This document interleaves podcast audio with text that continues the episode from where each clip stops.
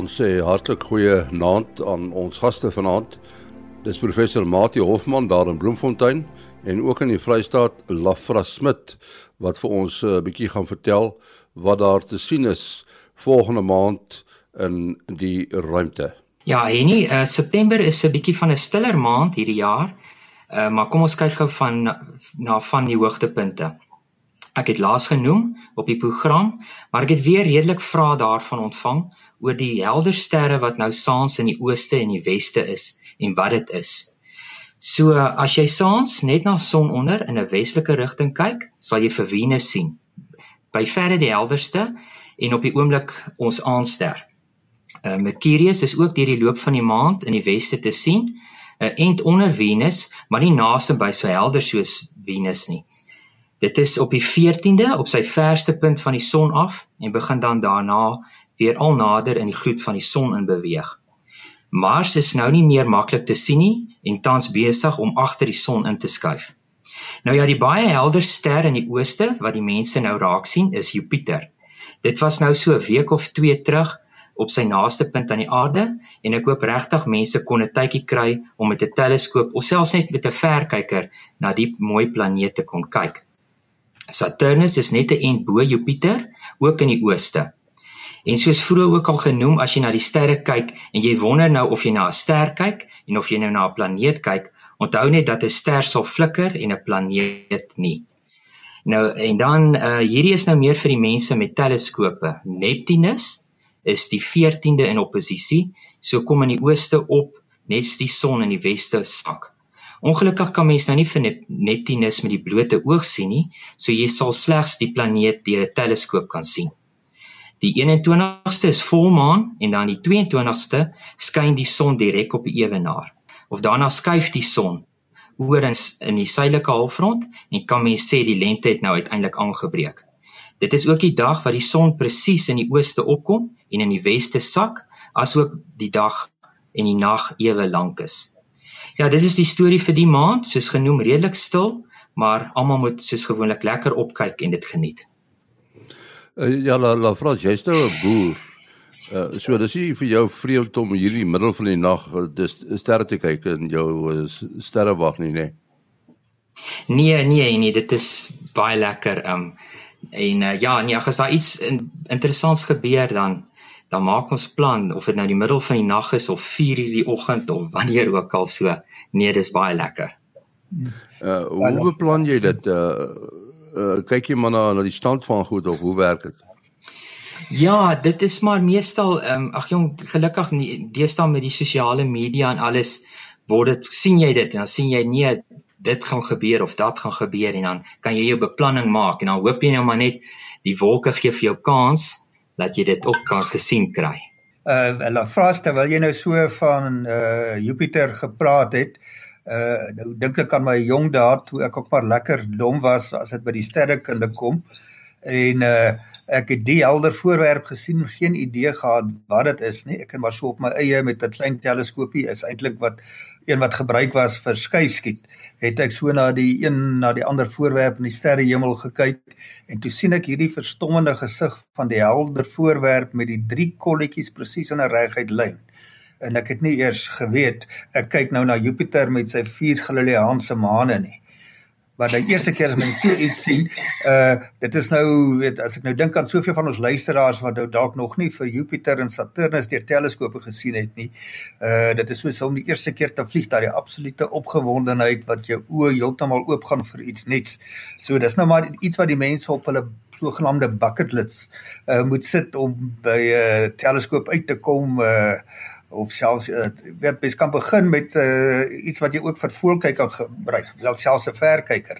Uh maar dan sal jy nou nie Saturnus uh, se ringe byvoorbeeld kan sien nie, maar jy sal daarom sien Jupiter het uh, het uh uh jy sal ook so een of twee van sy maane kan sien.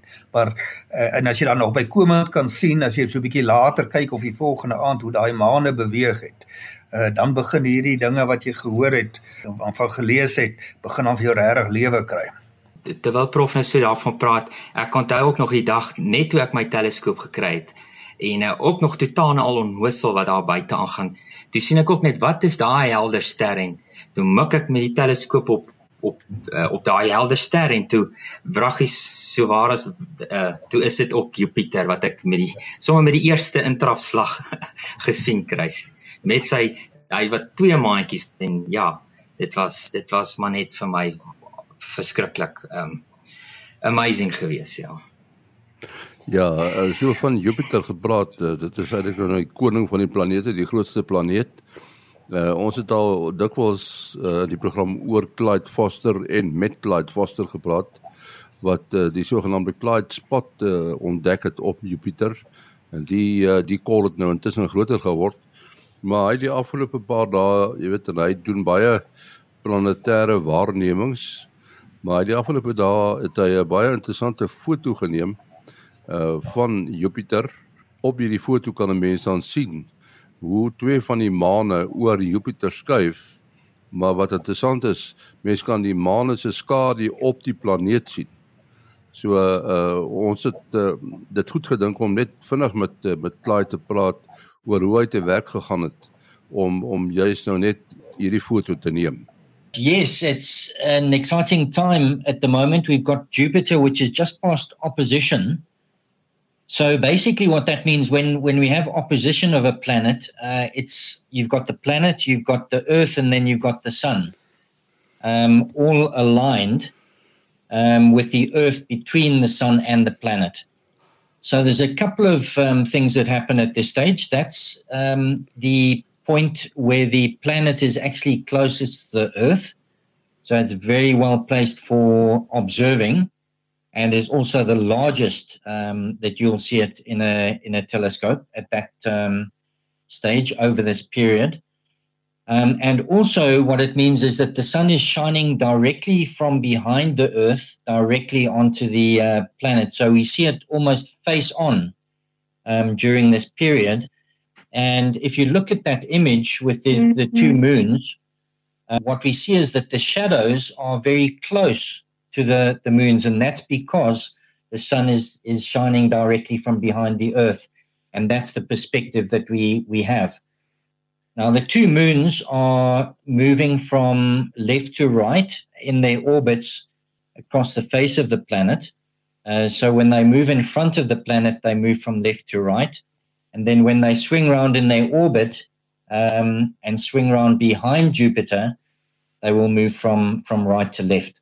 So that that was the um, the particular scenario that uh, I had on Saturday uh, night, and um, it's not particularly common uh, to have um, the two moons, or even rarer if you've got um, three or four of the the Galilean moons um, transiting across the uh, planet. It's not overly uh, rare either. You do get it from time to time. Um, but this was a nice, uh, obviously, occasion close to opposition. And that's in, in spite of uh, poor seeing conditions. Yes, uh, this this winter is, is is not been particularly good for us planetary images. Um, although we've had clear skies, uh, the atmospheric conditions have, have not been particularly good. Dit was aan uh, Clyde Foster hier van uh, Centurion in Pretoria. Ja, en nie wat ek nou sommer daarbey wil aansluit, dit is nog 'n 'n ongelooflike ervaring as mens die eerste keer in jou lewe sien hoe 'n skade weer op Jupiter se oppervlak verskyn van een van daardie maantjies en hoe dit dan in 'n kort tyd verander soos wat die maan nou om Jupiter roteer en dat, dat jy daai beweging uh werklik kan waarneem in 'n relatiewe kort tyd in een waarnemings uh sessie. En 'n mens sal partykeer uh, nou kyk na Jupiter dan sal jy vir iemand sê wel, jy moet gou kyk, jy sal sien uh, mens kan vanaand twee van die maane uh, maane sien en dan kyk die persoon sê nee, ek sien 3. En as jy kyk, dan het daar een van die maane van agter Jupiter in daai paar minute of paar sekondes net net sy verskyning gemaak. Ja, Clyde het in sy vertelling oor oor hierdie hierdie foto wat hy geneem het, het hy gepraat van van seeing En ons het ook al gepraat in hierdie program. Mate seeing is nie dieselfde as sig nie, nee, of is dit amper dieselfde? Nee, maar dit hou verband daarmee eh, die Afrikaanse term, uh, wel die Afrikaanse term wat ek daarvoor ken, ken is sigreis. Uh dit is nou maar die ehm um, afbreekende effek van die uh, van die turbulensie in die aarde se atmosfeer op hoe skerp die beeld is wat jy kan sien. Dit maak as ware dat 'n ster se se beeld wat soos 'n ligpunt in 'n goeie teleskoop is, so bietjie rond dans. En as jy nou na detail op 'n uh, voorwerp wil kyk, dan word daai detail uitgevee omdat hierdie elke punt in jou uh, beeld wat jy wil sien dans bietjie tot opsigte van die ander rond en dan gee dit vir jou so 'n um, blur effek soos wat mens met 'n uh, amper analoog aan wat mens met 'n kamera kyk as jy kry as jy hom bietjie beweeg het. Uh, ja, so dit is iets wat mens nie wil hê nie. Uh en uh maar uh, die tegniek wat Clyde nou gebruik, uh kan nou die effek van die atmosfeer 'n bietjie neutraliseer omdat daar skerp oomblikke is. Uh wat die atmosfeer so bietjie stiller is as ander oomblikke in uh die sagte ware wat hy gebruik kies uit 'n groot aantal fotos, uh dalk enkele duisend fotos wat in 'n paar minute neem, kies dit die beste fotos om dan oor mekaar te te stapel en wat dan die uh die skerp detail wat jy wil sien uh as ware versterk en die dit wat nie regtig in die beeld moet wees nie, kanselleer mekaar uiteindelik uit.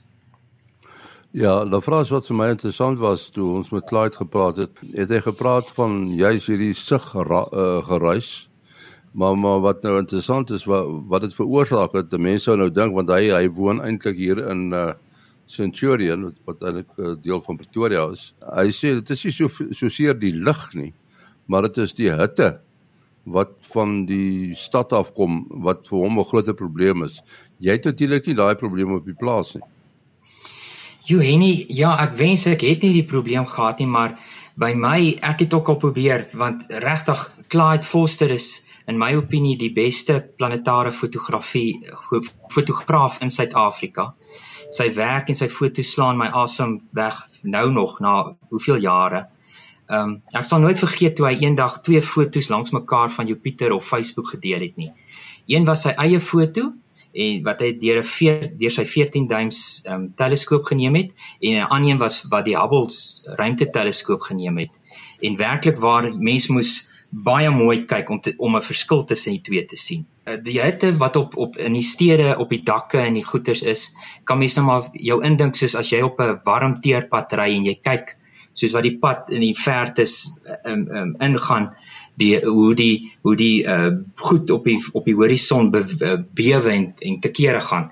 En uh, dit is dieselfde effek wat mens maar opkry as jy deur 'n teleskoop kyk soos Prof Mati gesê het, jy jy kyk nou na 'n planeet, dan sal hy nou bewe en hy hy gaan in en uit fokus en dan net vir daai 2 of 3 split sekondes is hy kristalhelder en dan gaan hy begin hy weer aan bewe gaan en en en en te kere gaan.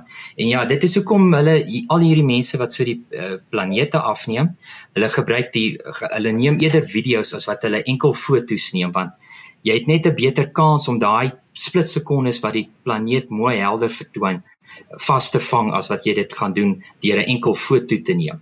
Baie mense sal ook nou sê ek wil eintlik graag vir die mense wat nou met teleskope sit en graag hulle ehm um, na die planete wil kyk vir hulle eintlik sê as jy nou ehm um, in die aande graag dit nou wil doen vat jou teleskoop uit want hy staan 10 teen 1 nou in die huis waar dit warm is en dan dan vat jy hom uit laat hy net so vir 'n uur of twee buite afkoel dat die lig binne in daai teleskoop aanpas by die lig buite want jy kan weer daai selfde effek as jy dadelik uitgaan en jy wil na die planete kyk gaan daai warm lig binne in turbulensie maak.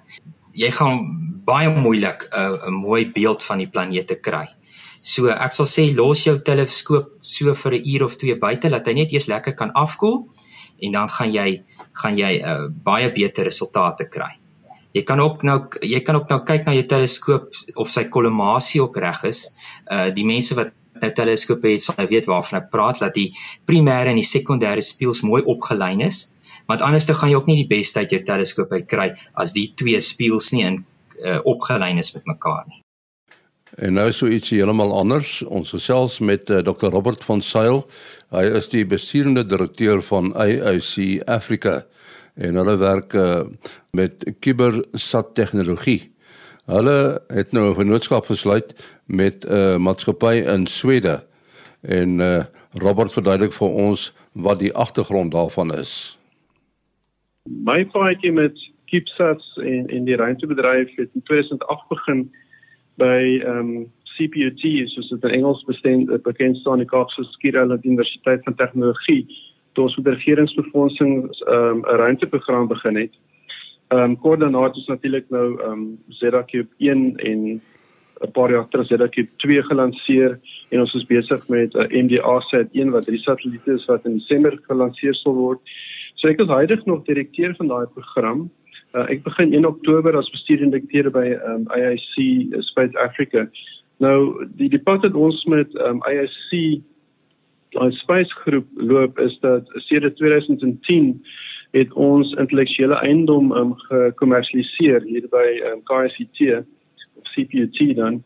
Ehm um, en daardie produkte word wêreldwyd versprei deur Clyde Space in daardie jare. Nou Clyde Space en AAC wat wat dan nou 'n Switserse maatskappy is, Clyde Space in Skotland. Ehm um, it's it's omgesmelt en die groep het nou al ehm um, filiale in Amerika, elders in Europa en nou die heel nuutste een in Suid-Afrika wat hulle dan nou ISC Space Africa noem. So ons loop al hele paar jaar saam met hulle. Um, ek is bekend met die groep vir baie lank tyd. Hulle is een van die vooraanstaande um, nanosatelliet um saakondernemings in die wêreld. En ons is natuurlik baie opgewonde oor die oor die vaardighede en die investering wat hulle doen. Ek dink dit is erkenning vir die vaardighede in die industrie in Suid-Afrika. Um jy mag dalk weet dat ons op 'n baie opwindende punt van die Afrika ruimtebedryf staan. Ehm um, die Afrika ruimtebeleid en die strategie is 'n paar jaar al um, terug goedgekeur. Suid-Afrika het sopas 'n massiewe investering ehm um, in in die ruimtebedryf aangekondig. Ehm um, so jy weet die, die gebruik van die ruimte om ons sosiale uh, ontwikkeling te doen is is is regtig waar nou op die tafel en dit is 'n baie goeie tyd om dan hierdie internasionale vennootskappe te vorm.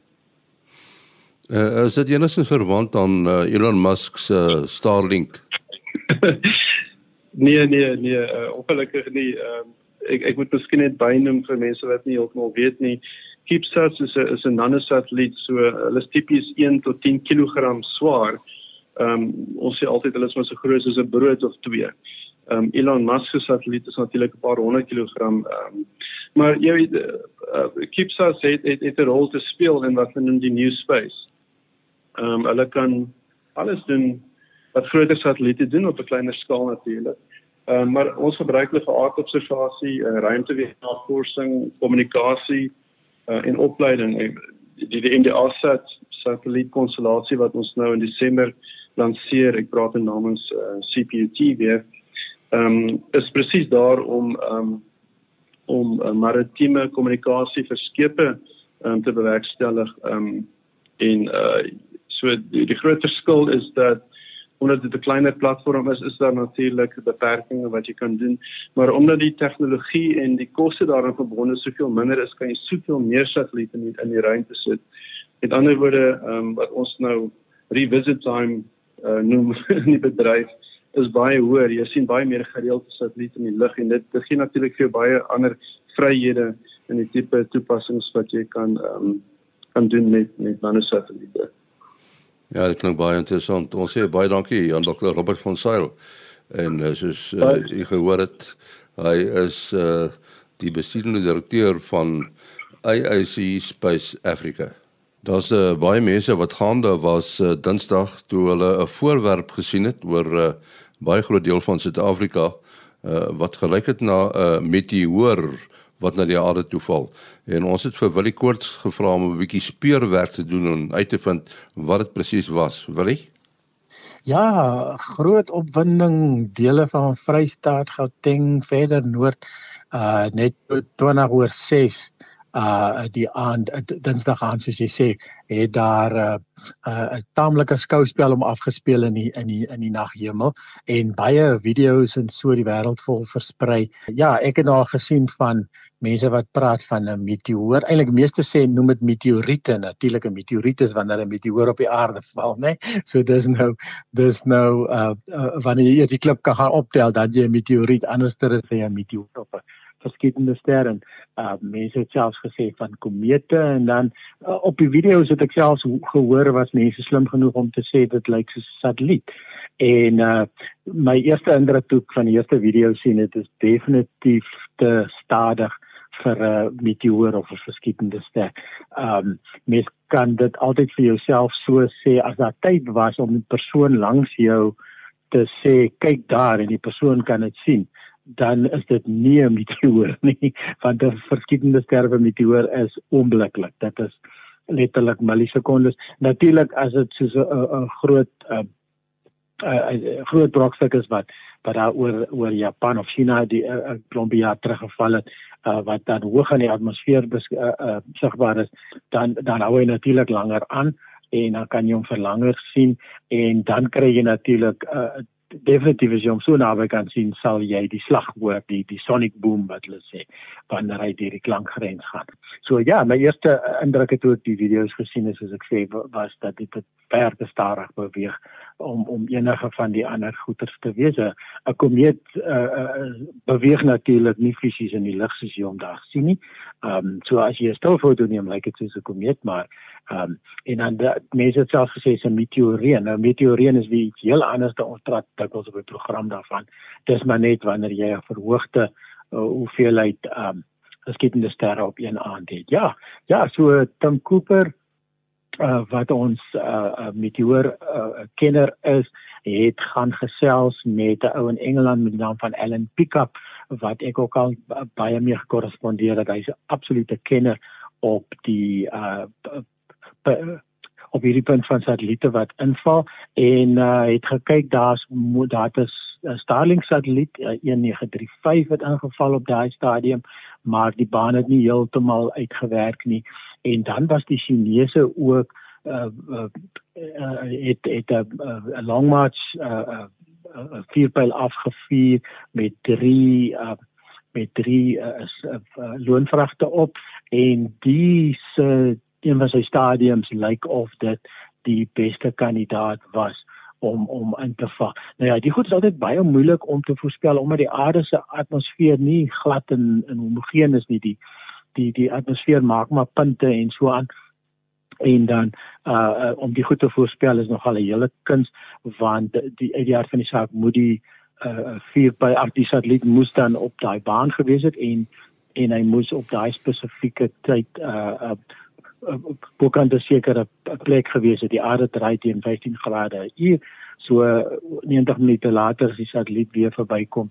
Dan het die aarde al so oor die 20 grade aangedraai en dan sal dit weer op 'n ander plek inval. Ja so op die stadium lyk dit uh, dit is definitief 'n satelliet wat in ingeval het. Jy kan ook sien aan die verskillende kleure wat uh wat, wat wat jy gesien het en ook die satelliet eintlik opgebreek wat natuurlik maar altyd gebeur. Uh die satelliet kom teen 'n baie vlak hoek in omdat die satelliet besig is om om hoogte te verloor en en uh sal gewoonlik heeltemal uitbrand in die atmosfeer. As daar dalk stukkies sou oorleef, dan sou hulle natuurlik heelwat verder geval het um en gewoonlik maar baie min skade aanrig. Ja, so groot opwinding en is en ons uh, dis goed dat die mense sulke goed raak sien en dan lekker hulle selfone byderhand het. Ons moet afsluit. Uh wat wat is jou besonderhede? Uh, ja, telefoonnommer 0724579208.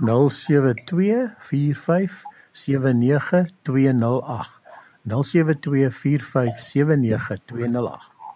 Selfoonnommer 0836257154.